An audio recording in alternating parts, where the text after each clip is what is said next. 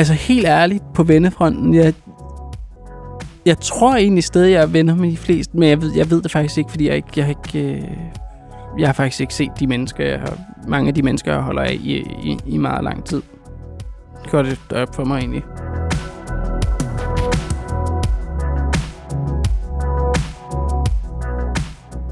Velkommen til Lydhør podcast. Vi hører ofte mest om succeshistorierne. Om artister, der får et hit i radioen, høje streamingtal og deres navne på festivalplakaterne. Vi hører sjældnere om de mange afvisninger, skuffelser og timer, hvor man kæmper med at skabe sig en bæredygtig karriere, et nyt hit i studiet, eller hvor man venter med uro for lidt søvn og følelsesmæssigt underskud i et fyldt backstage-lokale, eller i en varm turbus efter mange dages arbejde uden særlige pauser, restitutionsmuligheder eller kontakt med ens nærmeste. I den her podcast tager vi sammen med nogle udvalgte musikere og musikbrancheaktører fat på temaet mental sundhed, hvor vi forsøger at skabe rum og være lydhør over for nogle af de udfordringer, der gør sig gældende, og hvad man kan gøre for at skabe et mere mentalt bæredygtigt liv som aktør i den danske musikbranche.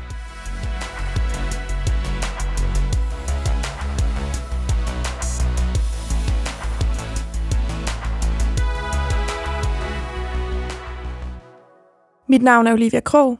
Med mig sidder Simon Gens, tidligere musiker og psykolog hos Stem Sindet, og som tidligere har haft forløb med vores to gæster i dag, Valentin og Lauke fra bandet Blæst, som har haft en øh, allerede en øh, karriere med fart på, som står bag kæmpehittet Juice, og som skal øh, åbne Orange Scene på Roskilde Festival inden længe. Velkommen til. Tusind tak. Tak. Hvordan har I det?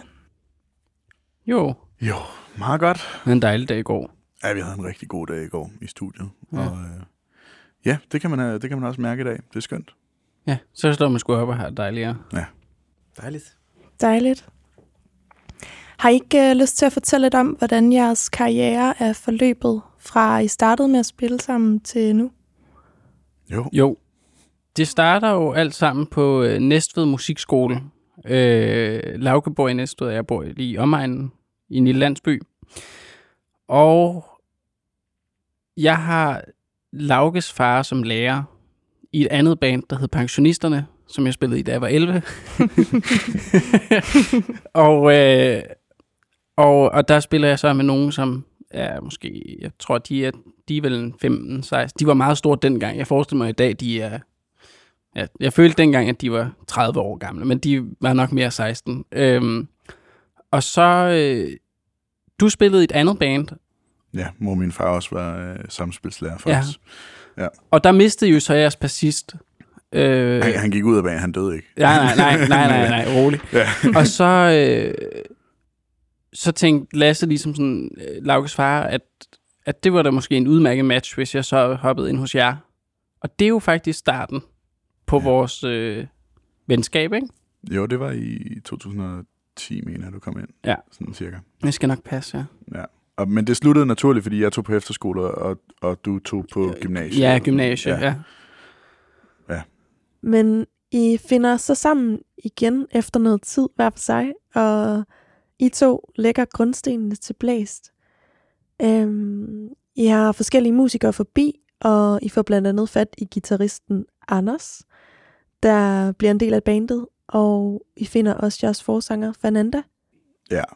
Og ja, måden vi mødte Fernanda på, det var, øh, min gamle efterskoleven gik i parallelklasse med en på gymnasiet, og spillede en demo, hun havde lagt op på SoundCloud for mig, fordi at jeg sad og snakkede med ham, om vi manglede lidt en sanger, med den, sådan lidt og lidt den her stemme og profil og sådan noget, og så spillede han det der, og så var jeg sådan, ej, det lyder sygt. Og så skrev jeg til hende på Facebook, og så havde vi det famøse møde på, på Nørreport station på en eller anden café, hvor mig og Valli sad og snakkede med hende. ja. Så det, det var fødslen. Det er blæst. Ja.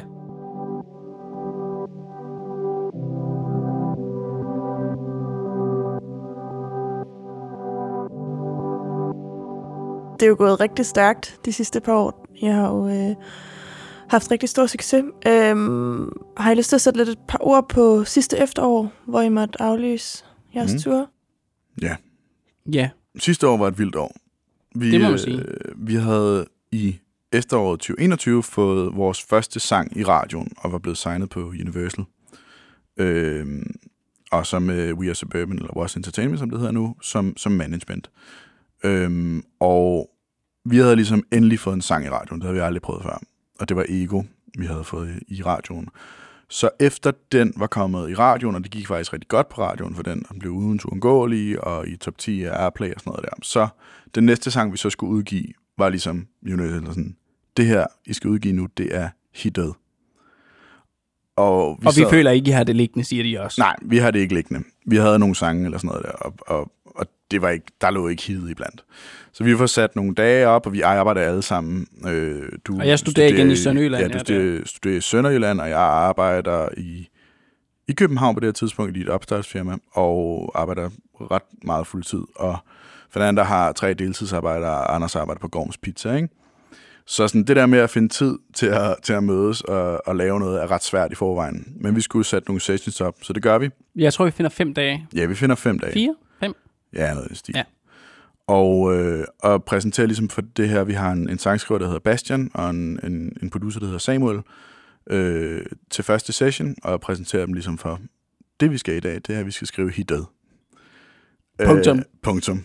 Og sådan, okay, sygt nok. Øhm, og 5-6 timer efter har vi lavet Juice. Ja. Mm. Det var en meget succesfuld session, vi havde. Ja, givet det var sådan hver dag, ikke? Ja, givet det var sådan hver dag. Men, øh, men der skrev vi så Juice, den blev udgivet i februar, og det er egentlig ikke en særlig hurtig start, den får. Altså sådan, den bliver fint modtaget. Jeg husker det, som om den klarer sig dårligere end singlen, vi lige har haft inden ja. streaming. Ja. ja, de første par uger klarer den sig lidt værre. Og, øh, og så stille og roligt kommer der noget radio på, og sådan, det, stille og roligt, men, men det ender med, hvis man kigger tilbage på det, at det bare har været sådan en... Eksponentiel kurve. Fuldstændig. Altså lige opad, indtil det kulminerer, det hele kulminerer i, da vi spiller på Roskilde Festival. Øh, lukker Rising-scenen øh, til sommer. Vi har fået en helt sindssyg sommer i det hele taget. Sådan noget 50 jobs mellem maj og oktober. Øh, og vi er i øh, forsommeren 2022 nu. Ja, lige præcis. Ja. Vi er i, på den 28. juni, da vi spiller Roskilde der. Og det er dagen, hvor at, at Juice ligesom kommer ind i top 50. Og så derfra, så stikker den bare yderligere af og, og climber og, og streamer helt sindssygt godt, bliver spillet helt vildt meget i radioen, og den er ligesom bare overalt. Så vi bliver også publikumsrekorden på opvarmningsdagene til den ja, koncert, ikke? Ja. Jo, det gør vi. Der stod så mange, at vi ikke kunne se det, men vi har fået at vide bagefter, at det var 20.000 plus. De ja. har ikke rigtig kunne tælle det. Øh, og det var publikumsrekorden der. Så det var sådan, det var noget af det største, der nogensinde er sket.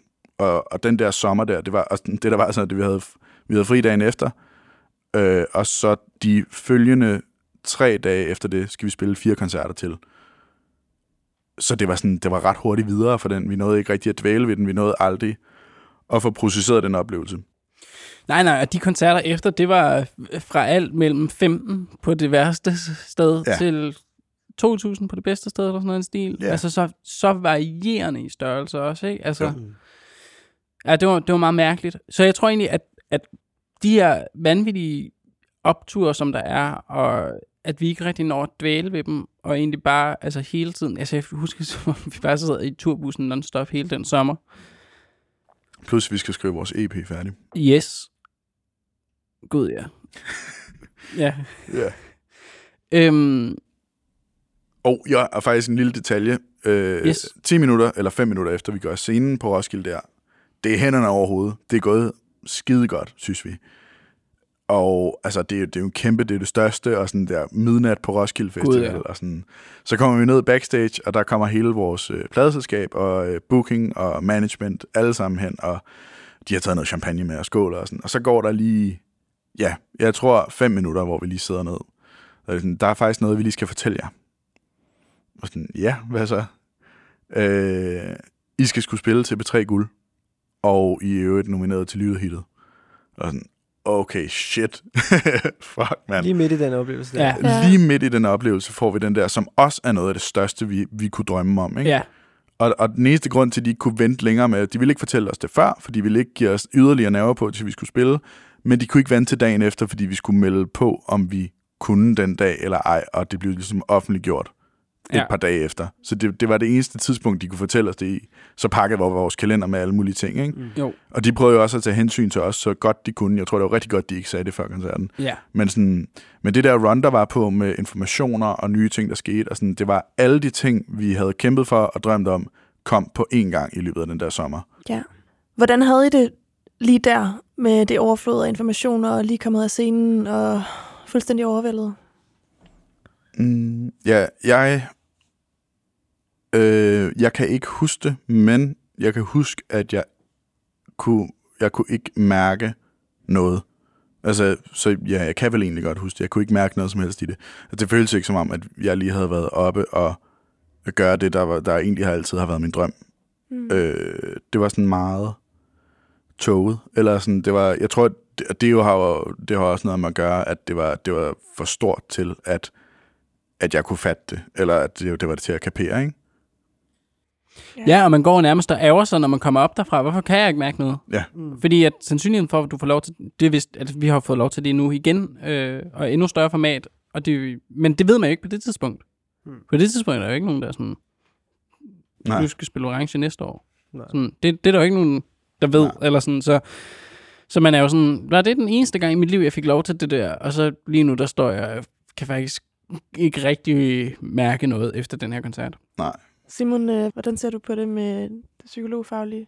Det er meget alment, altså den her oplevelse af, øh, efter man har opnået noget, man har arbejdet hen imod lang tid og bygget en masse adrenalin op i kroppen og skal optræde for foran 20.000 mennesker eller mindre end det, altså kan der opstå det her post-show depression, ja. tomhed, som er fuldstændig fysiologisk øh, og sker øh, for, for rigtig mange, ikke, når de har en Ja, og jeg, ja, og som sagt, altså jeg tror også, det er det, der måske gør, i hvert fald for mit vedkommende, at, eller også som jeg ser det, altså sådan, at, at det må du også lige præcisere, men at vi bliver nødt til at trække os, det er jo også det der med, at der er for det første med, at vi oplever jo mange af de ting, som vi har drømt om, og endda ting, vi ikke rigtig turde drømme om, og hver gang efter dem, der står man jo tilbage med sådan en følelse, skete det lige, og man har, altså det, det er svært for hjernen at kapere, og så er der også bare det næste med, at de her ting, altså det at, at, at få P3 guldprisen der, og lytterhittet, og, og spille uh, Rising og sådan, det gør jo, at der kommer gang i en masse nye maskiner. Altså, jeg, jeg, jeg synes, den der snibboldsanalogi der med, at det bare hele tiden samler mere og mere, det er sådan en eksponentiel vækst, det, det passer sgu meget godt. Og øhm, det gør bare også, at man bliver smidt for en masse nye udfordringer. For eksempel, altså jeg tror ikke før P3-prisen, at vi har spillet noget tv. Nu må du lige rette mig, hvis jeg tager fejl. Men det tror jeg ikke. Nej, I hvert fald ikke i det format under alle nej omstændigheder. overhovedet ikke. Øhm, og hvordan gør man det? Der er ikke nogen, der ved det omkring en, fordi at folk er lige så grønne, som man selv er. Altså, sådan, altså vores, vores pladeselskab er jo ikke nogen, der ved noget teknisk om, hvordan man sætter det her op, eller hvordan man eksekverer ordentligt på det. De ved nogle af delene, men ikke alle delene. Vores management er også relativt grønt og, og lærer sammen med os. Øh, øhm, Ja, og du skal gøre det, du skal jo gøre det, når, når du har sådan en performance som P3 Guld, så, så det handler det jo også om at gøre et indtryk. Ja. på den måde, som du, øh, dit unikke, eller vores unikke udtryk i det her tilfælde, det var jo, at vi skal, vi skal jo finde ud af, når, hvordan gør vi den største impact på det her, hvordan gør vi det til noget, som folk kan huske, hvordan gør vi det til den der, der er blevet set på YouTube 500.000 gange, øh, ligesom øh, nogle af de gamle, legendariske Mm. P3 Guld øh, optrædener, ikke? Og Og her, det er jo kun, det er også, det skal komme fra. Ja. Og her har vi jo også en, en udfordring, som øh, kan man sige, kan bevirke, at man oplever det, som øh, er på mange slæber, også i de kreative fag af musikbranchen, altså med imposter-syndrom, altså man på den ene side skal honorere nogle meget nye, meget, meget store krav, men du skal også være meget overbevisende, Mm. uden nødvendigvis at føle dig øh, som det i situationen, og du skal jo ligesom på den måde, øh, ja, virkelig stå bag noget med, med et, et sikkert udtryk, uden nødvendigvis at føle, at du står på enorm sikker grund Ja. øh, lige i det. Øhm, så, så en cocktail, der kan være på den måde mentalt udfordrende også. Ja, Så altså det ene er det der med, at der, at der er alle de der ting, som bare er svære at håndtere i hovedet, sådan hvordan, altså du ved, man bliver hele tiden serveret med nye indtryk, som man ikke aner, hvad man skal stille op med, men så er der også bare det der med, at, at, at, at når man er varm, så, så, så skal der smides, og det gør bare også, at lige pludselig så er ens arbejdsbyrde er, jeg vil ikke engang sige det dobbelte, men måske faktisk det tredobbelte af, eller firedobbelte af, hvad man havde forventet, inden man gik ind til det. Altså, du ved, alle de åbne dage, der ligesom så, nå okay, men så kan vi godt spille fire dage i træk, eller så kan vi godt spille tre dage i træk og uden en pause, og så til gengæld tage til det der møde. Alle de der små huller, som vi havde, de blev lige pludselig fyldt af alle de der ting, som vi så lige pludselig skulle begynde at nå, ikke? Eller sådan, Jo, og musik, sådan, selve den skabende del, blev lige pludselig en meget, meget, meget, meget, meget lille del af det, vi egentlig gik og lavede. Men til gengæld så var der så nogle perioder, der blev sat af til det, og så var det bare det intenst. Altså jeg kan huske to måneder, hvor Fernanda var på, hun var taget på højskole det første halvår af 2022, hvor at det var mig og Valli og Bondo, der sad i studiet og skulle lave alle de her sange færdige, som vi havde. De var skrevet. De skulle bare laves færdige, de skulle produceres, de skulle, de skulle bare lyde godt, og det, det gjorde det ikke på det tidspunkt. Der var to måneder, hvor at vi alle sammen arbejdede, og så tog vi i studiet om aftenen, og var der indtil langt ud på natten, op næste morgen klokken 7 på arbejde, og så i studiet igen. Det, det har været kun overgået af den produktionsøver, og den produktion, vi lige har skulle smide på benene til den her sommer, været den altså, sindssygeste periode i mit liv. Jeg har aldrig nogensinde arbejdet de der, altså så meget som de der 16, 17, 18 timer om dagen. 19 nogle gange 5 timer søvn op igen. Mm. Det var fuldstændig vanvittigt. Altså, vi slog os selv halvt ihjel på det der. ja. Der var en del i mig, der døde under det der, som, som Ja. ikke eksisterer længere. Altså sådan, Ja, og det var også, altså, det, jeg føler, vi har haft et par perioder af dem, der vi snakkede også om det i går. Øhm, men, men, men at der er de der perioder, hvor man føler, at der er noget permanent, der bliver slået ihjel i en. Og altså, den eneste måde, hvor jeg kunne få systemet ned på det, det var, at så, når jeg så endelig var gået i seng klokken to, eller sådan noget, og lå og, og rystede, eller kunne ikke falde i søvn, så var det sådan, så vidste jeg, at hende, jeg boede hos, hun havde nogle smøger nede i køkkenet. Og så, så gik jeg ned og tog en af dem, så mig ud på terrassen og røg den. Og så kunne jeg ligesom falde i søvn, og så, så kom jeg ligesom igennem det. Og det er bare nogle gange, for eksempel, når, øh, når vi kommer ind i de der perioder igen, og, og, og når vi bare taler om, fordi lige for tiden taler vi også om, at vi måske har fået det her til for bekvemt. Øh, mm, og når vi ligesom taler også, som vi har gjort her de sidste par dage, om at vi skal faktisk prøve at presse os selv lidt derud. Altså jeg kan mærke, at jeg får det nærmest, altså jeg kan mærke den der uro igen komme frem i kroppen. Jeg kan mærke, at jeg får det lidt dårligt, når vi snakker om det. Og jeg kan Mm. godt abstrahere for det, fordi at jeg kan godt rationelt se, at det er irrationelt, og at det godt kan være dejligt, og det også kan være mega fedt at presse sig selv derud. Men indbygget i min krop er der bare sådan en refleks, der bare siger, øh, stop, Ja. stop, jeg, jeg kan ikke. Og, og hvad er det for en stemme? Altså, hvilken vægt har den stemme så hos dig og hos jer, når den kommer? Oh, altså, jeg tror, det er jo forskelligt for os alle sammen. Mm. Øhm, jeg tror for mig, jeg ser det øh, langt hen ad vejen som en... Øh, I hvert fald i dag, hvor at vi kan styre vores forhold bedre, og hvor at man så ikke også er mega broke, så man ikke bare kan gå ned og købe en frokost, hvis man har lyst til det. Så tror jeg egentlig, at jeg synes, den er rimelig irrationel alt i alt. Men den gør også, at, at for eksempel, så når vi har den der snak, så er jeg sådan, okay, men hvis vi, hvis vi skal køre dage, hvor vi kører, og lad os nu være det, vi er musikere, ikke? fra klokken 11 til klokken 2 om natten. Hvis, hvis vi kører de der dage, og hvor vi bare arbejder indtil det er done, så, så tror jeg, så skal jeg have en ekstra fridag, eller et eller andet, for at kunne dekomprimere, fordi ellers så, så når jeg ikke de ting, jeg gerne vil, også bare i mit personlige liv. Altså, man negligerer jo totalt familie, og det tror jeg, de fleste kender, når man har de der perioder, men det er bare lige pludselig, når de perioder bare lige pludselig bliver til år, så, så, så går den ikke rigtig længere, og i virkeligheden heller ikke, når den bliver til måneder. Altså, jeg tror, det er der, hvor man ligesom kan gå ind og få den der, hvad skal vi kalde det, permanente skade, der hvor at man ligesom reagerer negativt, når man så hører om det igen, eller tænker tilbage på det.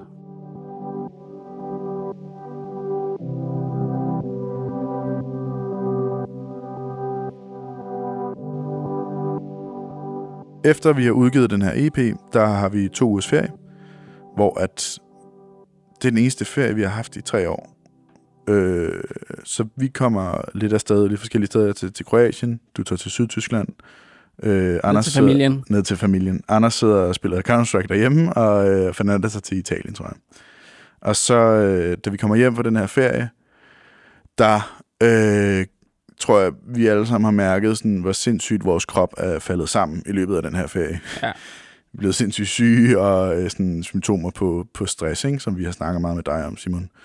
Øh, for op til den her periode har, der også, har vi jo gået hos, øh, hos, til psykolog hos øh, Simon og snakket om netop de her faresignaler, som begyndte ligesom at melde sig lige så stille og roligt. Og da vi kommer hjem, så øh, bliver det ret tydeligt for os, at vi, vi ligger egentlig op i det røde stressfelt, selvom vi lige har været nede og øh, decompresse. Øh, eller det var, det var meningen, det var det, vi skulle, fordi vi skulle egentlig på tur pff, tre dage efter vi kom hjem. startede, og vi havde TV, og vi havde TV. Ja, Vi, vi skulle starte om onsdagen i Godmorgen Danmark, og så skulle vi spille om aftenen til et privat arrangement, og så skulle vi spille torsdag, fredag og lørdag. Og så var der 28 koncerter efter det op til jul, ikke? Og der går det op for os, og igennem nogle samtaler med Simon, og nogle samtaler med Jakob, vores manager, at det, det er ligesom, det, det kan vi nok ikke, eller sådan, det er ikke sundt. Øh, det er ikke en beslutning, som, som vi rigtig træffer, fordi at det, det vi har aldrig, eller jo, vi har jo lige aflyst, men vi har ikke overhovedet ikke aflyst på den her skala før. Og vi vil ikke aflyse. Vi vil gerne ud og spille. Vi, vi kan nok bare ikke fysisk. Så det er Jakob, vores manager, der ringer til os og siger, at vi har aflyst de første 17 koncerter, og I skal ikke lave noget som helst, der har med, med blæst at gøre. Nu skal I slappe af og finde måder at gøre øh, det på, og så skal I gå sammen med Simon til psykolog og snakke om det her. Individuelt og sammen, hvis I har lyst til det. Jamen, jeg får lyst til bare at knytte en kommentar til, til det her med at have arbejdet, som I har, øh, over en meget lang periode. Du, du nævnte, Lauke, 16-17 timer i døgnet, og ingen pause på tre år, og så videre. Og som du siger, øh, Valentin, det her med, at det bliver det nye normale at være på hele tiden, og, og grinde og arbejde hele tiden. Og du kan mm. sige, det er også, så vender kroppen sig til, at når man altså, det der med pauser, det må vi lige udskyde, og det der med at passe på selv og mærke efter, det må vi lige udskyde, og så vender kroppen sig til det. Ja, præcis. Ja, det rammer så som mur der, ikke? Jo. er der noget bestemt, I gør for ikke at nå derud igen? Jeg tror i virkeligheden, man kan ikke... Øh, der er ikke nogen, der kan, der kan forberede dig på, eller også på, hvordan det kommer til at være, eller hvordan det er. Øh, det skulle lige være andre artister, men det er så individuelt, det der. Altså sådan, hvad der kan virke for nogen, kan ikke virke for andre, og omvendt, ikke? Øhm, og det vi så bare gør, det er, at vi, vi snakker utrolig meget med hinanden. Vi har øh, de her ventilationsmøder, som vi laver, øh, sigter efter at gøre en gang om ugen, og som med alle andre ting, vi laver, så er det sådan lidt, nå ja, bop, bop, og sådan noget vil det ikke lige der. Sådan. Men, men vi prøver rigtig meget, og har det som fast del af, af vores koncertrutine, at inden at vi skal op på en scene sammen, så skal vi sidde sammen i øh, ja, op til en halv time, og bare kigge hinanden i øjnene, kun os fire i et lokal, hvor der ikke er andre mennesker, og så skal vi bare snakke sammen om, hvordan det lige er på dagen, og sådan, hvordan, hvordan vi lige får gjort det her. Bare lige for at spore sig ind på hinanden, fordi at den der connection på scenen, den opstår ikke bare magisk, og især ikke på, når det er så store scener. På, på små scener kan den godt gøre, fordi man står så tæt. Men på store scener, som vi skal ud på nu, skal man arbejde for den. Og, og der er det godt lige at være grounded med hinanden før, og sådan, ja. og lige få snakket sammen. Jeg tror bare at påtale alle de ting, som, er, som man ikke lige får gjort når i, i en snæver vending eller et presset øjeblik, er, er egentlig vores vigtigste redskab, vi har. Og som vi i den grad har fået af, at det egentlig har været et stort ventilationsrum, som med, med dig, Simon, når vi har været hos dig, øh, og bare at snakke alle tingene ud. Også alle de gamle ting, der lå, alle de ting, der irriterer os ved hinanden, og med måden ting bliver gjort på, med alle de ting, man ikke får sagt højt. Ellers skal der være et rum til. Og det føler vi har skabt rigtig godt. Og det er helt klart vores bedste redskab til, hvordan vi håndterer tingene, fordi vi kan snakke om det. Og nu gribe ind, du... før det er for sent, ikke? Ja, nu siger du ventilationsrum. Hvordan faciliterer I det rum sammen? Ja, yeah. helt lavpraktisk, så er det som regel Fernanda, der skriver, om vi ikke lige skal mødes øh, en time før øh, på mandag. Øh, vi skal møde i, på Universal eller i studiet eller et eller andet, og lige at drikke en kop kaffe. Og så øh, til koncerter er det vores turmanager, der sørger for, at vi kommer i et lokal sammen på et bestemt tidspunkt. Øh, når der er alt muligt andet, andet, der flyver om ørerne på os, at vi øh, får tid til det. Fordi ellers så får vi ikke selv sat tid af til det. Ja, og, og altså, jeg får lyst til bare at knytte en kommentar til lige præcis det her med ventilationsrummet, fordi det er jo noget af det, man også ser igen og igen, bands, der har øh, en udviklingskurve, der, der stiger meget øh, øh, støtter hurtigt, øh, at, at det er noget af det, man måske under, underprioriterer, det her med at få set anden i øjnene og få talt om ting, og man bagatelliserer måske noget, der går over og ophober sig øh, af gode grund, fordi der hele tiden er noget, der hele tiden er noget, der er presserende. Du skal hele tiden honorere et nyt krav og, og tage noget nyt ansvar osv. osv. Øh, men det her med at underprioritere det, kan virkelig give bagslag. Øh, og man ser også for nogle bands, når der så lige pludselig bliver plads til at tale om det her, hvis det for eksempel dykker igen, jamen så kan der virkelig være nogle konflikter der, som kan være rigtig svære at redde ud. Mm. Øh, men især også det her med stressforebyggelsen med ventilationsrummet, altså få set den anden i øjnene og lige måle, hvor er jeg, hvor er du øh, lige nu, også på forhånd, som du, som du siger, Lauke. ja, så gør vi det til, til de der møder, at vi, Ja. vi, vi er meget ærlige omkring, hvordan, øh, hvordan vi har det, og hvis der er noget, altså vi har jo gjort det her for eksempel med interviews, er der jo rigtig mange af, og øh, forskellige podcaster. I dag for eksempel er det Valentin og jeg, der sidder her, fordi at det kunne være, at de andre ikke kunne overskue det. Vi skifter lidt imellem det. Vi er fire i bandet. De fleste vil jo gerne have øh, radiokanaler og så videre, vil jo gerne have det fanat, der kommer ind og snakker, men vi er, vi er fire mennesker i bandet, og vi er fire til at løfte opgaven. Det skal ikke kun være hende, den ligger på. Øhm, og dem, som kan, kan lide det, kan gøre det, og dem, som ikke kan lide det, kan få lov at blive fri for det. Men der er nogle ting, der skal gøres. Og så meget vi kan dele det op imellem os, at, at den byrde bliver løftet, desto bedre står vi også dagen efter, hvor at alle møder op med et overskud, i stedet for at der er to, der er helt brændt sammen, og så er der to, der har det godt. Ikke? Altså sådan, det er ikke en fed måde at arbejde på. Der kommer i hvert fald ikke noget godt ud af det.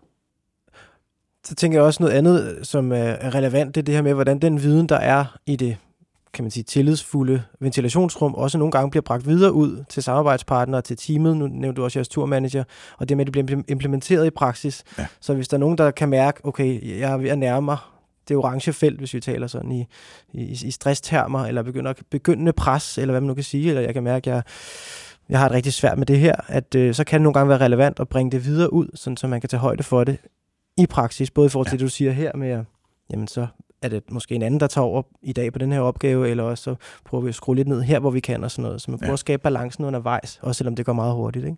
Jo, ja, vi har for eksempel også lavet vores øh, glimrende mailsystem, hvor at, øh, netop ja. med det der med at få øh, implementeret det hos hele holdet omkring en, der også arbejder med os, at øh, hvis det er noget, der er... Altså fordi alle mails, der kommer ind, og der kommer rigtig, rigtig mange mails ind. Nej, der kommer en god del om, øh, om, om dagen. dagen. Ja. De, de, øh, de virker jo umiddelbart lige vigtige alle sammen, men det vi har fået vores hold til, det er ligesom at sætte markader på dem, der hedder øh, rød, gul og grøn. Og rød, det er, at der skal komme et svar på dagen. Gul er, at øh, der skal komme et svar sådan, ugen, inden for en uge, ja. jo. Øh, og grøn, det er som regel bare statusmails, som der, hvor at, hvis man sætter grøn markat på, så forventer man ikke et svar tilbage. Du kan bare læse den, modtage den, du behøver ikke svare. Og det er rigtig rart for os, og ligesom, fordi det er jo en forventningsafstemning i virkeligheden, mm. med hvornår øh, afsender forventer at få et svar. Og det er rigtig rart for os at kunne sortere i meget så konkret med, med rød, gul og grøn. Ja, ikke? og det er jo også rart, fordi man får bare også notifikationer på telefonen, og så hvis man for eksempel har en travl dag, så før i tiden kunne man jo godt blive stresset, hvis man så ser, at der er fem ulæste mails lige nu, og vi skal på scenen lige om lidt, eller der er et interview, mm. eller hvad det nu kan være, eller vi kan ikke knække den her skide sang, og der ligger også fem læste mails. Og nu kan man jo så ligesom se, Nå, men fire af dem er grønne, mm. og en af dem er rød. Nå, men så skal vi måske bare lige tage den røde. Men mm. de skaber sådan en helt fantastisk... Altså, det er jo et simpelt system, men det skaber bare et overblik, så man ikke føler, at... Fordi jeg har sådan... Men jeg føler, at man har sådan en tendens til, at hvis der kommer mail ind, så forventer man med det samme. Det må være pænt vigtigt, det her. Det ender med, at du ikke får læst nogen af dem. Eller jeg for mit vedkommende, jeg ved, du har det anderledes. Men, men for mit vedkommende, så, så er det i hvert fald sådan, så ender jeg med ikke at læse nogen af dem. Imens nu, når der så rent faktisk kommer en rød, så er jeg meget hurtigere til at få det set. Ja. Øh, fordi at sådan, det er ikke fem, som jeg opfatter som potentielt røde, og som er svære at løse. Men det gør det ligesom overskueligt, fordi der bare ligger en af dem, og de andre er bare gule eller grønne, og så er man sådan, okay, det er i hvert fald ikke, jeg behøver ikke at tage det lige nu i det her øjeblik, ikke? Agtigt.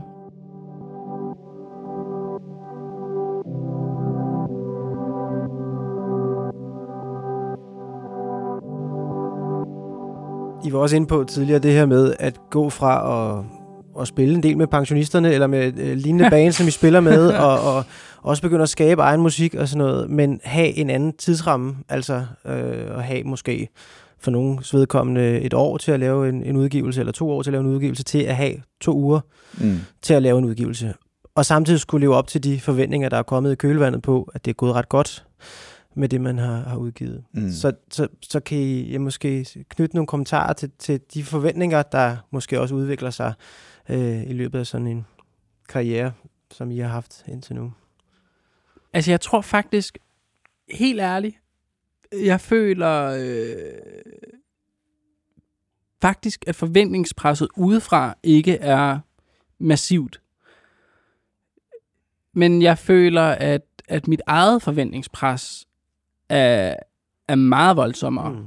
Og det, jeg, altså sådan for mig i hvert fald personligt, der knytter det så meget op på, at, øh, sådan, hvad vil, hvad vil sådan, hvad, hvad vil den, hvad hedder det, måske 12-16-årige Valentin have forventet af, hvad jeg ville lave, hvis man ligesom, altså fordi dengang så drømte man så meget om at have den position, som jeg har i dag, som vi har i dag.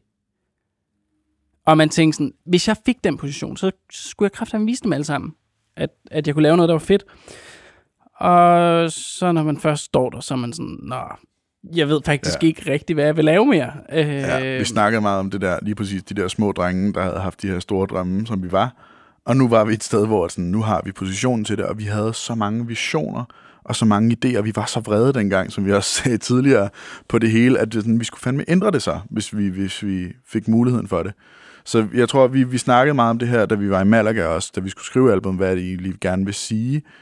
Og om den der følelse af, at nu har vi, nu har vi stået øh, sådan, det har følt som om, vi har stået i en menneskemængde, sætter så, eller stiller os op på sådan en mælkekasse, og så bare begyndt at råbe alt det, vi gerne vil sige. Og der er ikke nogen, der har lyttet, fordi at folk går og snakker, og det, sådan- det, det larmer. Det og sådan noget. man kan, man kan ikke rigtig høre os. Ja. Og nu, så står vi derop, og så er der bumstille, og alle lytter. Og så er man sådan, jeg har fuldstændig glemt, hvad der var, jeg gerne ville sige. Ja. Og jeg skal virkelig veje mine ord, og, sådan, og ja, man kan hurtigt komme ind i, i, i at tvinge sig selv i at få idéer, som egentlig ikke var noget, man havde tænkt før. Nej. Øhm, ja, det Så- er noget, vi snakker meget Så der om. sniger sig også et, et, et, et blik ind udefra, altså, men også blikket fra en selv, på en Ja. ja. selv, Ja. på en anden måde. Ja, at altså, jeg vil, flere ting om det. det, er jo, det er jo nærmest som om, at, at det ikke er så meget direkte blikket udefra, det er mere blikket udefra, hvad det gør ved blikket indeni. Eller sådan, Ja, jeg, er føler, jeg præcis føler, der er et eller andet, der er et eller andet. Det er ikke en direkte connection med, med forventningerne fra folk udefra, men det er, Det er selvovervågende blik. ja, Og, Ja. hvad, og hvad gør det? Altså, hvordan påvirker det, påvirker det jer? jamen det gør jo, at man ikke kan, at man ikke kan lave noget. Ja, vi, vi, vi, ja, det er meget I, I har faktisk fanget os på en rigtig god dag i forhold til det her, fordi vi, jeg tror, at det er gået op for os så sent som i går, at vi har været totalt lammet i vores kreative proces. Og det, vi har lavet, synes vi egentlig, Det er ikke alt sammen dårligt. det er ikke alt sammen dårligt, men det er sgu middelmådigt det meste af det. Ja. Og jeg tror, vi har fundet ud af nu, at nu, nu, nu prøver vi lige at gøre alting selv, og prøve at kanalisere os fuldstændig tilbage til den gang, hvor der ikke var noget, og så prøve at se, Hvad sker der så? hvad sker der så? Bare lave det, vi synes var sjovt, for det var det, var det hele stiv cooling er bare et miskmask af numre, som prøvede at være singler, som ikke var helt gode nok til det, øh, men som gerne ville være en single. Øh, alle dem, der ikke blev udgivet som singler i hvert fald. Og så var det bare musik, som vi var sådan, vi havde det så grineren, det var i studiet. Altså, det var så sjovt. Vi legede så meget med ting, og optog åndssvage ting, og fik dem til at passe ind i tracksene, og så havde vi det grineren over, at så det her, den her lyd er faktisk øh, Valentin, der sidder klokken to om natten og visker ind i sin computer et eller andet, ikke? Og sådan, det, det synes vi var sjovt, og vi havde, vi, havde, vi havde det sjovt, når vi tog hjem, også selvom det var klokken to-tre stykker om natten. Ja, gør I så noget aktivt for ligesom at imødekomme, øh, kan man sige, den udfordring, det giver med det forventningspres? Ja, det gør vi jo. Altså, jeg føler, at vi gør mange ting, men lige nu, altså, jeg, jeg føler, at vi er stadig i en proces af at, at finde ud af, hvad man gør. Altså, eller sådan, I gjorde noget i går i jeres session, synes jeg, I talte om herinde. Vi tændte Ja, mikrofonen. Ja, vi havde en session i går, netop på baggrund af det der med musikken, vi skrev, ikke rigtig kildede de rigtige steder, og ikke var, vi gik hjem, eller vi, vi havde det ikke så sjovt, tror jeg. Øh, eller har ikke haft det. Ja, det er jo i går, det skete. At det Mm. ligesom vendte for alvor, tror jeg. Øh, eller forhåbentlig. Øh, vi synes ikke, det er særlig sjovt lige for tiden. Eller sådan, vi, vi går med en optugsoplevelse, når vi har skrevet noget eller lavet videre på sangen. Og øh, det ville vi gerne prøve at komme væk fra, så vi prøvede ligesom at finde ud af sådan, at smide smide alle dogmer, smide alle sådan forventninger, og bare lade det, der ligesom kom ud af os, som vi synes var grineren. ja. Optage de ting, vi synes var grineren. Og det var bare en kæmpe optugelsesoplevelse i går. Ja. Det må man sige. Og jeg tror også, altså vi gjorde også noget, øh, selve arbejdsmetoden, apropos hele den der snak, vi også havde her i starten, med at føle sig presset og sådan noget. Og jeg tror, altså på det sidste, der har det bare været meget, vi, vi har gjort det by design, og det er jo nok noget, vi skal lave lidt om på, øh, gjort det meget til et, øh, ja, altså til fra, fra 10 til 17 øh, job, Vi, øhm, Det er blevet og- meget maligt, ikke? Ja, det er blevet meget maligt og, og, og meget, meget sådan almindelig døgnrytme og gå, gå i seng kl. 22. Og, Ja, det er sgu sundt. ja, og det, det er sundt, og jeg kan mærke, at jeg har det da bedre end nogensinde før på mange måder. Ikke?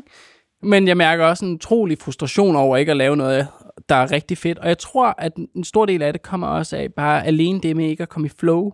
Ja. Altså hvis hver dag stopper klokken 17. Altså jeg føler, det er der, man lige begynder at tage de første spadestik sådan for alvor, fordi de første tre timer går alligevel med, med at få sporet sig ind på hinanden, ikke?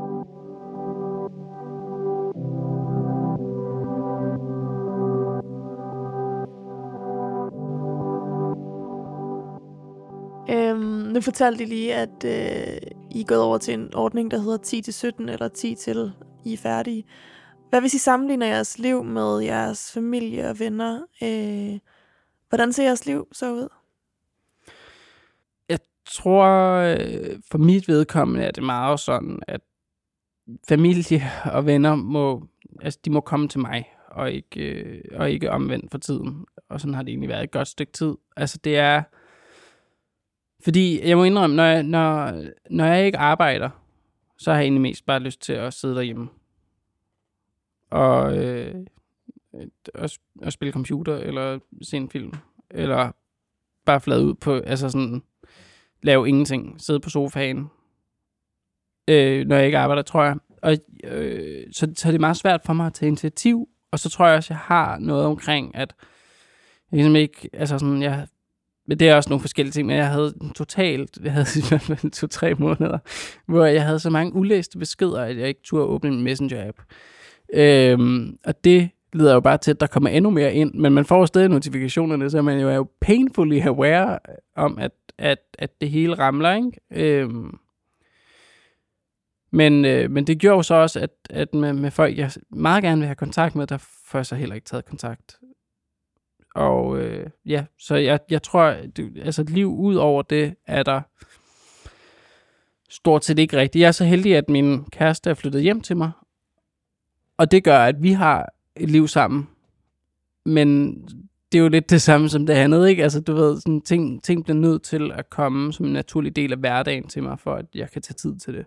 Altså i, i de der familiære relationer. Sådan. Mm. Ellers så kan jeg ikke. Nej. Ja, så hvor meget fylder jeres privatliv kontra jeres professionelle liv?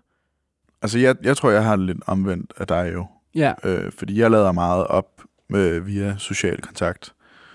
Øh, så jeg, jeg ses øh, så meget, jeg kan med mine venner. Mm. Og, øh, og gør det. Og sådan, deres liv kontra mit er også...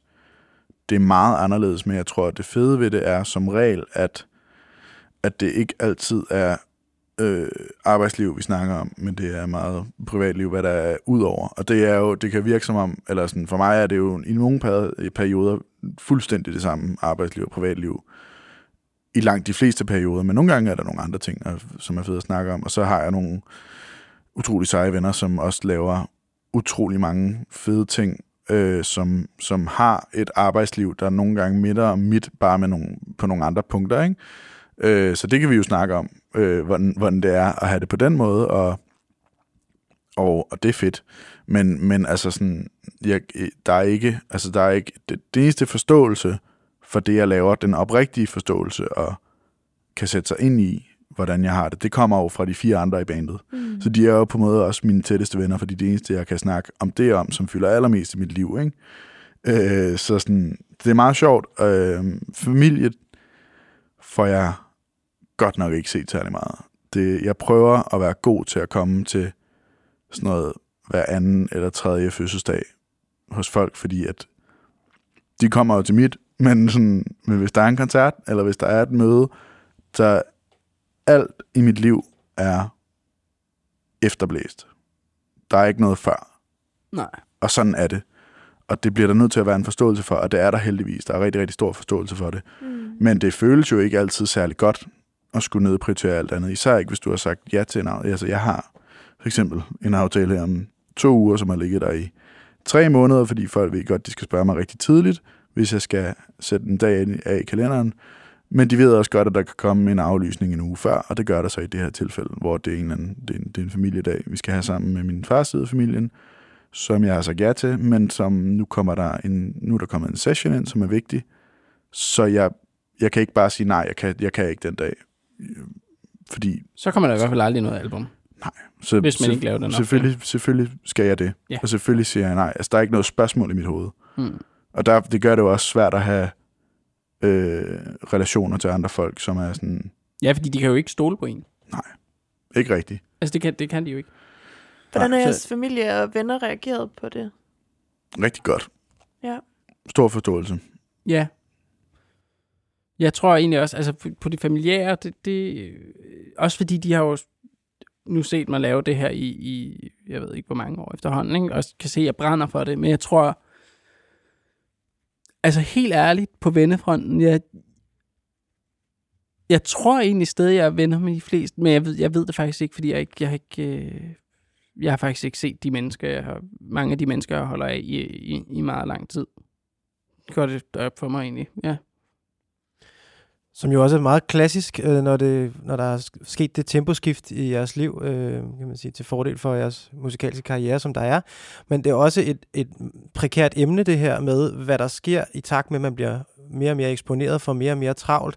At der jo ofte sker det, at de nære relationer øh, nedprioriteres i en periode eller en lang periode, og for nogle har det store konsekvenser, både for øh, de nære relationer, øh, men også for relationerne, øhm, og for det, relationerne giver. Altså, hvor for nogen, der er det er meget groundende, det er noget af det allermest centrale, det der med at have de her relationer, hvor man kan få tingene ærligt at vide, den her helt særlige tillid, folk der kender en og så videre, som både kan være stressforebyggende og mistrivselsforebyggende, men, men også kan være utrolig balancerende, så, så at man også i nogle henseender for dem, der virkelig har det behov, kan prioritere det og gøre det nogle gange lidt relativt. Skal vi vælge den her session, eller er det nu et år siden, jeg har set min mormor, eller hvad det nu kan være, som betyder meget, og skal vi så måske også prøve at se, om vi kan finde noget balance i det også, ikke? Mm. Mm. Jeg havde jo faktisk lige for nylig, Ja. hvor vi aflyste, eller hvor jeg aflyste nogle, nogle ting, fordi at øh, min mormor var død, og der skulle jeg ned til begravelsen. Det kunne jeg mærke, sådan, det, var, det, var, det var vigtigt for mig. Også fordi jeg har boet hos hende i en periode, og sådan. Men øh, den aflysningsknap, jeg, jeg tror ikke, jeg kunne have trykket på den selv. Det gjorde du heldigvis for mig. Mm. Øh, fordi jeg, jeg tror faktisk ikke, jeg havde trykket på den. Nej, det tror jeg heller ikke, du havde. Eller det var, det, det var derfor, at jeg Ja. sagde det til dig. Ja, det var fandme dejligt. Men så, så det er jo en af de få gange, hvor at jeg faktisk har prioriteret anderledes, og jeg føler også, det er noget, der på en eller anden måde, sammen med succesen faktisk kommer lidt plads til. Altså man skulle ikke tro det, men det er som om, når der ikke er succes, så er der jo også mere at, at, at kæmpe for, eller sådan, og så, så gør det faktisk nogle gange endnu sværere at, at sige nej til de her ting. Jeg føler faktisk, at nu har vi faktisk en lille smule rum til at sige nej.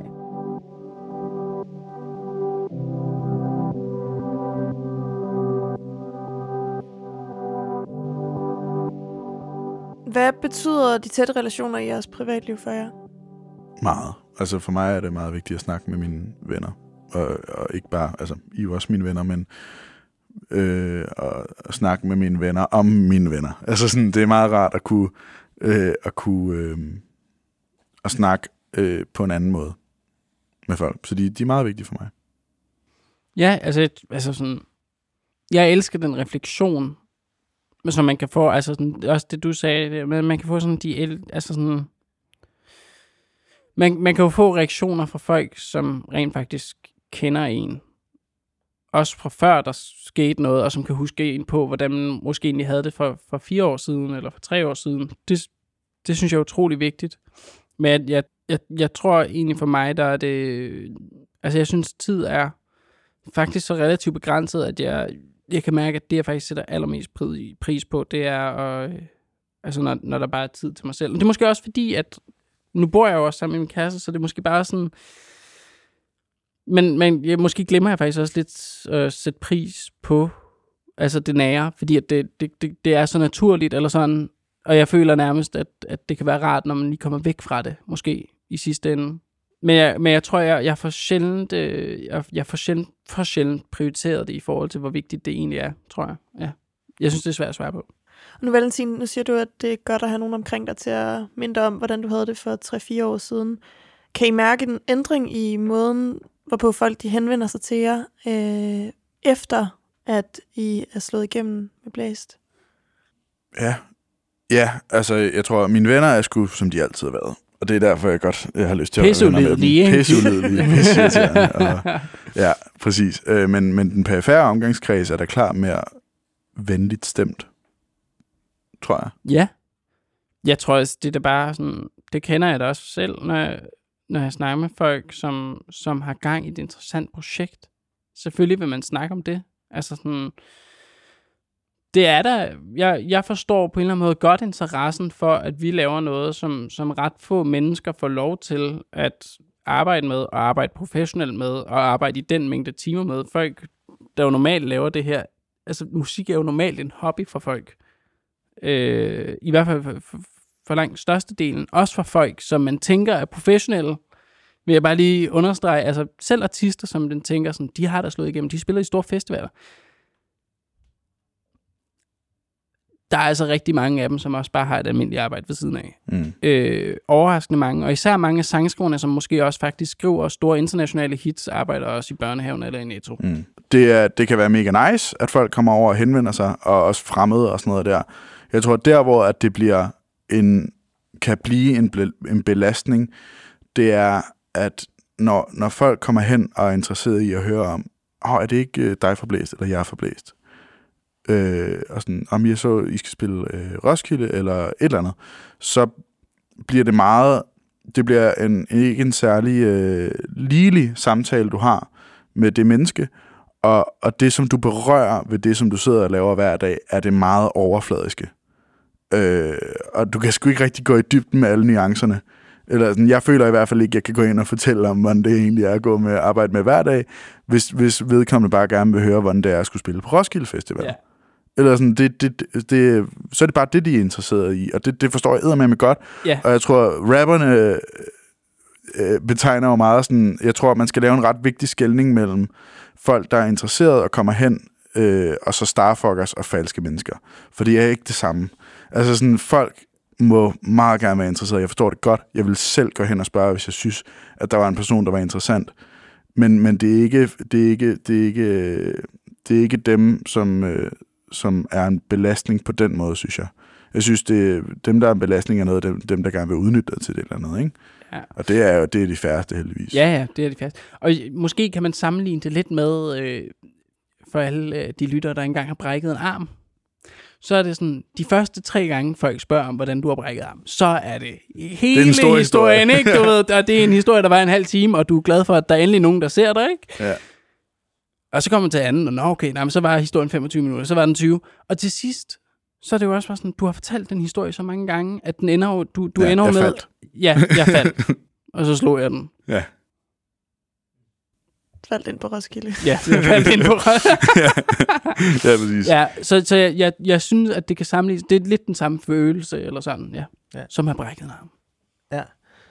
Og en perspektivering til det, som, som også forskningen peger på i forhold til det her med berømmelse og eksponering og relationer, så er det jo det her med at skelne mellem en symmetrisk relation, man kan have til sin familie eller sine nære venner, hvor at man kan blive set som den, man er, og man kan blive anerkendt, fordi folk forstår en, og kan også være ærlige over for en, og stille nogle andre typer spørgsmål, og måske livsvidende og så videre, og så den her asymmetriske relation, hvor en kan komme over bare for det, der bliver kaldt reflected glory, altså at skinne lidt ekstra i samværet med en, der er eksponeret, eller måske en instrumentalistisk forhold til en, hvor man gerne vil have noget ud af at, at være sammen med, mere, jer, øh, hvor det også kan blive lidt overfladisk. Øh, og, og for nogen, der bliver meget, meget øh, kendte overnight, og lige pludselig har et liv, hvor det går enormt, enormt stærkt, og ikke ser så meget deres symmetriske relationer, så kan det at leve et liv med mange asymmetriske relationer, hvor man har nogle forhøjede øh, forventninger til en, som at man bare er den mest fantastiske nogensinde har set, og alle mulige sådan hype på den ene side, eller meget, meget kritiske holdninger til en på den anden side,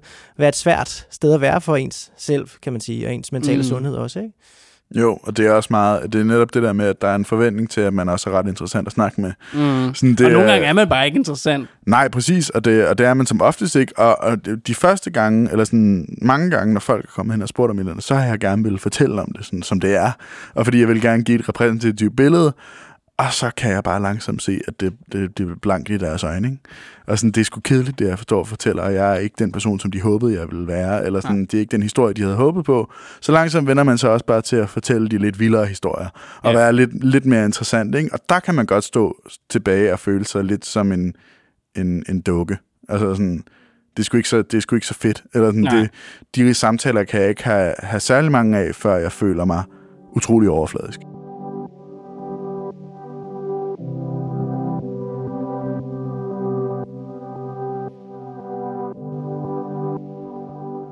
Hvad når der kommer fremmede og henvender sig til jer? Hvordan sætter I grænser, hvis I for eksempel er ude med jeres venner og egentlig bare har lyst til at holde fri? Den er svær. Ja. Den er rigtig svær, fordi at det er netop der, hvor du virkelig kan virke som et røvhul, ikke? Mm. Øhm, men der er jo noget, altså jeg tror, at mine venner er rigtig faktisk rigtig gode til at være opmærksomme på, hvis vi er ude, og, og, og at, at de kan mærke, at det har jeg ikke lyst til, så er de gode til at hive mig bare øh, væk, eller være sådan, hov, skal vi ikke lige, eller kalder på mig, eller andet, så jeg har et out til at være sådan, jeg bliver, jeg bliver sgu nødt til at løbe, fordi det er jo, jeg synes, det er mega nice at snakke med mennesker og sådan noget, øh, det er mega fedt, men for at, at, at jeg synes, det er fedt at have en samtale, så skal den ikke bare handle om mig. Så, så jeg bliver nødt til, eller jeg føler, at jeg bliver nødt til at så spørge ind, så når jeg sådan har fortalt, bla, bla, bla, bla, hvad laver du egentlig? Og det kan blive en, en rigtig lang samtale, og så kan, så kan ens aften bare også gå med det. Og det er, det, det kan, altså sådan, det er svært ikke at ende der for mig. Jeg har, jeg har rigtig svært ved at sætte grænsen ved at sige, nu, nu bliver jeg simpelthen nødt til at gå. Eller sådan, det var hyggeligt med dig. Fordi at jeg, jeg er meget bange for at virke arrogant. Mm. Jeg får lyst til at knytte en kommentar her i forhold til det her med også, at ens omgivelser støtter en i og bakker en op omkring den her grænsesætning. Og det kan være ens team, det kan være ens turmanager, det kan være ens bandkammerater. Og det starter jo ved, at man er klar over, hvornår de grænser er overskrevet. Og hvad man har brug for inden en koncert for eksempel, øh, som er jo noget, man kan arbejde med. Øh, det her med netop at sætte nogle ret klare rammer for, jamen altså, vi vil gerne skrive autografer, men vi vil gerne lad ikke skrive autografer i tre timer. Vi vil gerne skrive i, i det her tidsrum. Vi vil gerne have en kø. Vi vil gerne have en skranke. Vi vil gerne have noget at skrive med. Hvad det nu kunne være. Det kunne også være, at ens øh, turmanager ligesom sørger for, at backstage-lokalet er indrettet på en bestemt måde. At der er nogle bestemte henvendelser, man sørger for ikke bliver lavet øh, en time inden man skal spille, for eksempel, og sådan nogle ting. Mm. Så måske, ja, bare et spørgsmål til det her med øh, opbakning i forhold til grænsesætning. Ja, den er utrolig vigtig. Altså også, at man får påtalt det der med sådan, om hvad er min...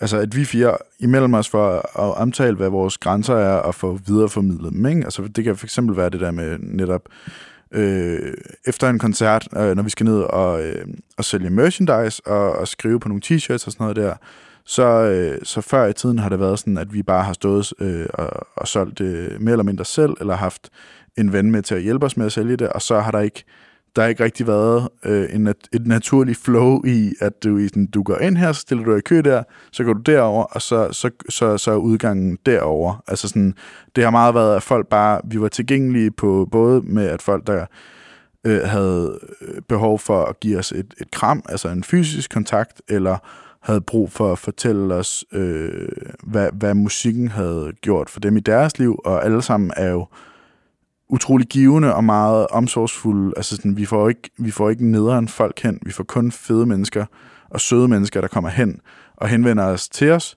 sen- henvender sig til os, men når der står 40, der gerne vil have, eller 50 eller 100, der gerne vil have den der samtale, så bliver det bare en rigtig lang aften, og så er der også nogen, der ikke får lov til at komme hen og få skrevet på den t-shirt, som de har købt for deres hårdt optjente penge, Ja. ja. at komme til den her koncert. Og, og det, der bliver vi nødt til at sætte nogle grænser, både for at alle kan, kan, kan få en, en god oplevelse med os, og også for, at vi kan sørge for, at vi har faktisk... Kan være ordentlige mennesker i det. Ja, og vi har ikke lyst til, at måske, at der kommer helt vildt mange hen og krammer os, for det kan være grænseoverskridende for nogen, eller at der skal tages tusind billeder, eller sådan de der ting. At der, at der så er en naturlig køkultur, ligesom ved kassen i Netto, man står ikke og snakker med kassedamen, for der står en bagved, der også gerne vil, vil, vil hen og, og, og have sine æg, ikke? Øhm, og det tror jeg, det, det, det har vi haft brug for, og det er blevet støttet rigtig meget. Øhm, når I så skal sætte en grænse, hvad lytter I så efter? Hvordan mærker I, at det er her, jeres grænse går? Det synes jeg personligt er rigtig svært, faktisk. Ja. Jeg tror måske egentlig oftest, at man kommer altså finder ud af, at der er en grænse ved at snakke med hinanden, måske i virkeligheden. Mm. Altså sjældent er det, at man selv tænker over, at noget er, er grænseoverskridende. Man kan måske mærke en eller anden ubehag, men der er jo også masser af ting, som er grænseoverskridende, som er fine nok, altså sådan, hvor det bare er, er svære ting at kaste sig ud i. Ja. Og, og hvor at kroppen bare har et helt sådan, naturlig reaktion på, at noget virker skræmmende eller angstprovokerende, men som bare er, er svære ting at gøre, og, og det er derfor, at kroppen er sådan, åh oh, nej, ikke? Men, øhm,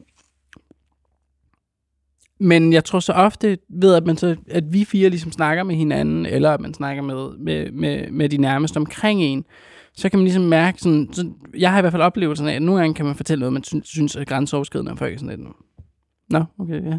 Fint nok. Nå, men det, det er ærgerligt, du havde det sådan med det. Ja. Og så er man sådan, nå okay, nå, måske er det ikke så galt. Så. Og nogle gange er folk så, så er man sådan, nej, det var da egentlig meget sjovt. Og så er folk sådan, det, det sgu lidt mærkeligt, det der. Eller sådan, Det er fucked up. Ja, ja. det, det Hvordan har du ikke. det egentlig med ja. det? Eller- Og Ja. så er man sådan, hvordan har jeg det med det? Åh oh, nej, eller sådan, ikke? Ja. Ja. Det er mening? Og her er vi jo også inde på noget, kan man sige, der er meget udbredt, det her med, at grænsesætning er enormt svært også, eller det her med at afskærme, eller lytte til de her behov, der vedrører det private liv, kan være rigtig svært. Ikke? Der er mange mennesker, som en del, er en del af jeres team, så, som også afhænger af jeres deltagelse i rigtig meget, og så står I også med, med, med, med, et særligt overblik og indblik i, i nogle ting og nogle processer, som gør det svært at trække sig, også fordi det har med andre at gøre.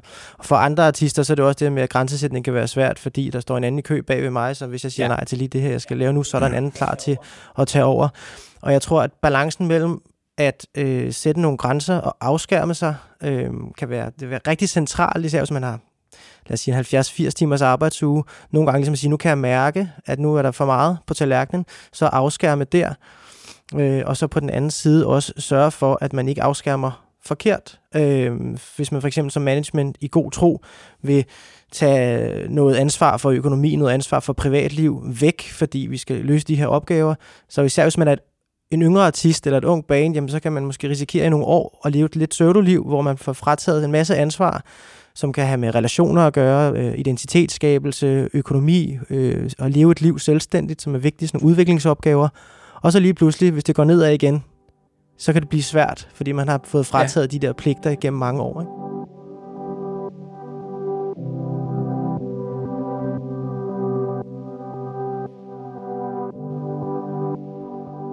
Er der en særlig misforståelse i forhold til livet som musiker, som I har mødt?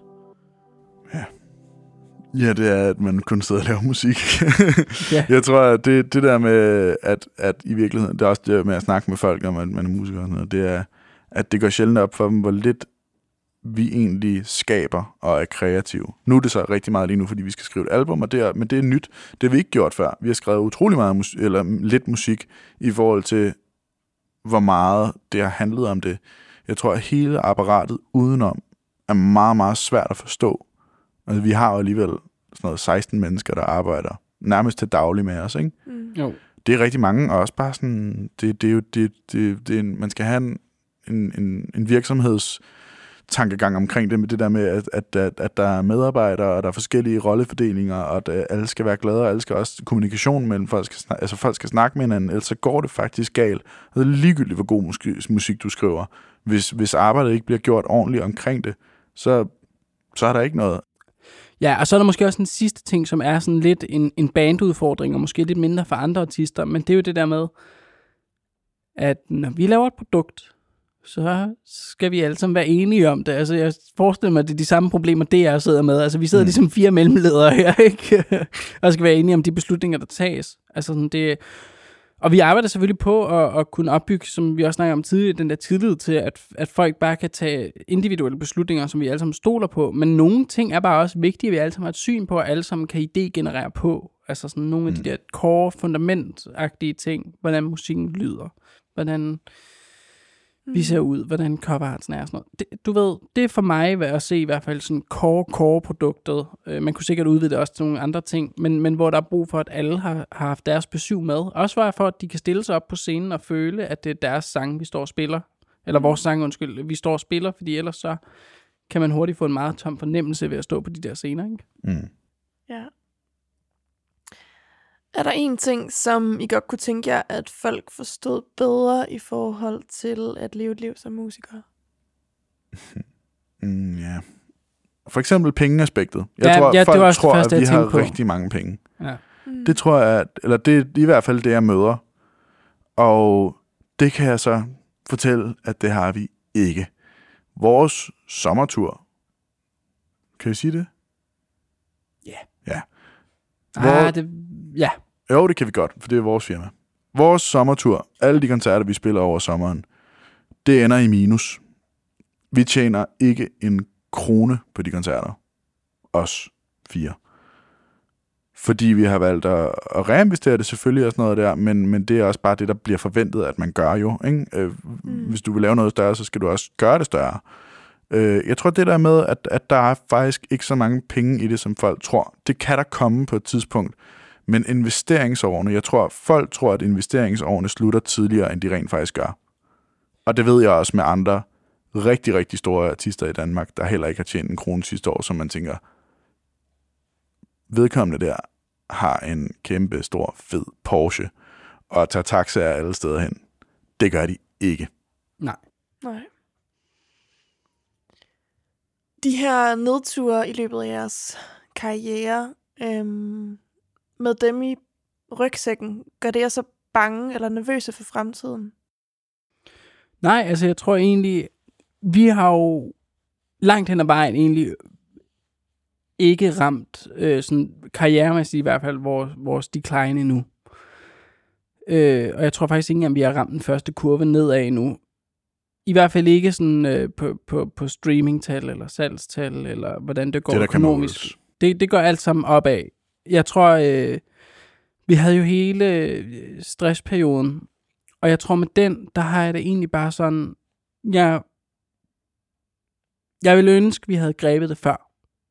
Men jeg tror egentlig, jeg er meget taknemmelig for, at det egentlig skete nu, hellere end at det skete Nu. nu. Ja, altså at det skete for, for, for, I for, efteråret, ja. ja. ja, i efteråret, end at det skete nu. Så jeg tror egentlig, at, at de, de downperioder, der egentlig kommer, de væbner en utrolig godt til fremtiden. Og Jeg kan nogle gange være bange på, at vi har for få downperioder i forhold til at vide, hvilke udfordringer vi egentlig kan stå overfor. Jeg er egentlig ret tryg øh, generelt ved, at vi nok skal prøve at finde en eller anden måde at gøre tingene på, men, men, men jeg tror egentlig, at, at hvis man øh, sørger for at sætte øh, altså hvad er det rigtige gear at sørge for at have folk omkring en, der også reflekterer sammen med en, og, og også går kritisk til en, så tror jeg egentlig, man kan vende de fleste ned, altså de fleste nedture til, til læring. Ja, jeg tror, jeg glæder mig, jeg, eller jeg glæder mig jo ikke til, det går nedad, men jeg tror, jeg, jeg, Jeg er spændt på at se, hvad det gør ved mig. jeg ved det, glæder mig til at se, hvordan vi reagerer. Fordi jeg tror, det, det er jo det, vi først rigtig skal bevise os. Eller sådan, øh, groft sagt i hvert fald. Ikke? Og jeg, jeg, det siger jeg også, fordi jeg har en tiltro på, at vi godt ville kunne rejse os fra, hvis det, hvis det gik lidt ned i en periode. Men jeg glæder mig til, øh, til kampen i det. Jeg kan godt lide øh, at have noget at kæmpe for, og det får man jo, når det går nedad, fordi så ved man, der er noget deroppe et sted. Ikke? Mm. Prepper I jer selv på mentalt, at, øh, at det går ned ad bakke en dag? Prøver, men jeg ved simpelthen ikke helt, hvordan. Altså det er jo, det er jo sådan et monster, man ikke kender til. Ja. Øh, jeg tror, jeg har tænkt meget over det, og nu har jeg det faktisk sådan, nu har jeg lige sluppet det, fordi jeg er sådan, lige nu, inden for det næste år, der kommer det i hvert fald ikke til at ske. Så det er, det er spild af, af, af hjernekapacitet, i hvert fald lige nu, at gå og bekymre sig over, hvor jeg i virkeligheden burde bruge mit hoved på at fokusere på at spille den bedst mulige koncert. Sådan, På- så det ikke går nedad. Ja, Mm. og, men også bare generelt, også bare for at få nyt det, fordi at Ja. ja. jeg vil da, altså tænk, hvis man skulle se tilbage på det her om 20 år, og så være sådan, der hvor det gik vildest i mit liv, der sad jeg og fokuserede på, hvordan det ville være, når det gik ned en dag. Nej. Hvad ser I frem mod det næste stykke tid? Altså lige i den umiddelbare nærhed, der ligger jo nogle ret fede festivaler. Vi Ja. spiller Jelling på torsdag, som, øh, altså når vi optager det her i hvert fald, så er der jo Roskilde Festival, og Tinderbox, og Northside, og Smukfest, og altså alle, det er jo det er de fire store, ikke? Og så er der alle de andre, som er sindssygt fede festivaler, og festivaler, jeg ikke er kommet på ellers, som jeg glæder mig til at se. Festivalen glæder mig til. Jeg glæder mig til den kreative år, vi lige har tappet ind i her i går og i forgårs at få den øh, brudt rigtig godt op og øh, få optur over at skrive musik. Jeg tror, at det, det kan jeg jo kun genkende til. Jeg tror også, altså for mig, det at få gang i det skabende sådan for alvor. Men, øh, men det er også et, det, det er også et frustrerende helvede ja. Men jeg, jeg håber på, at vi får et ordentligt flow i det. Og jeg, jeg tror, vi er på vej rigtig sted hen, ja. ja. Det glæder jeg mig troen meget til. Det føles godt. Ja.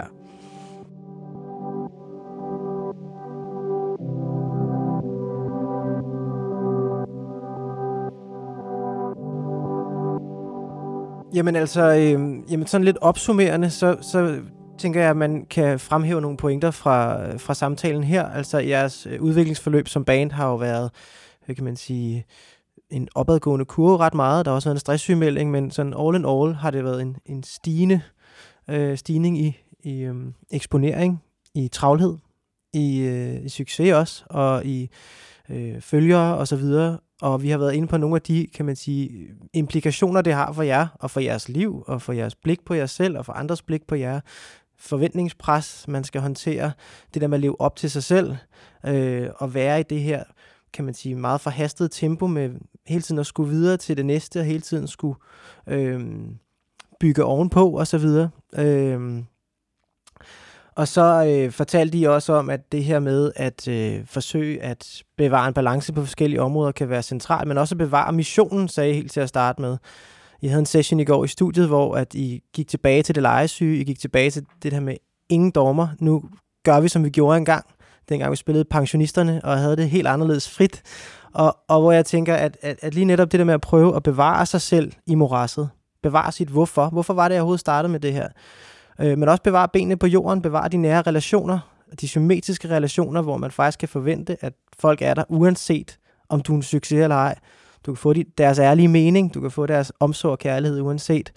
Øhm, det er jo noget, der styrker en, styrker ens selvværd, styrker ens tro på sig selv osv. er enormt centralt, fordi når man lever et liv med meget succes, jamen så kan nogle af de relationer træde mere og mere i baggrunden. Det kommer I også ind på.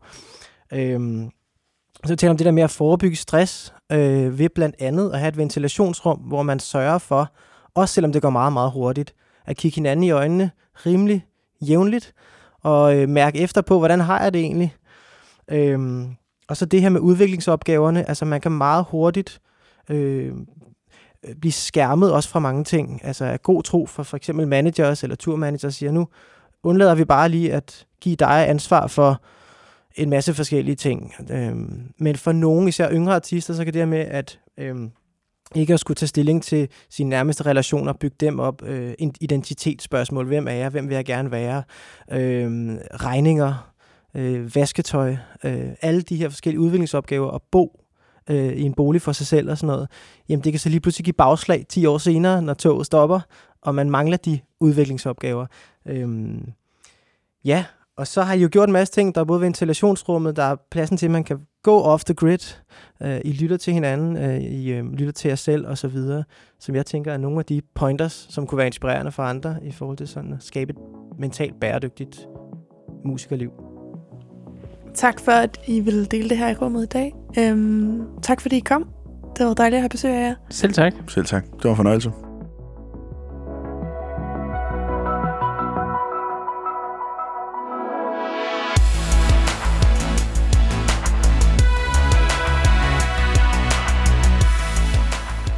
Hvis du eller en du kender oplever mental mistrivsel relateret til dit liv i musikbranchen, kan du finde links i beskrivelsen til aktører, som tilbyder trivselsfremmende indsatser.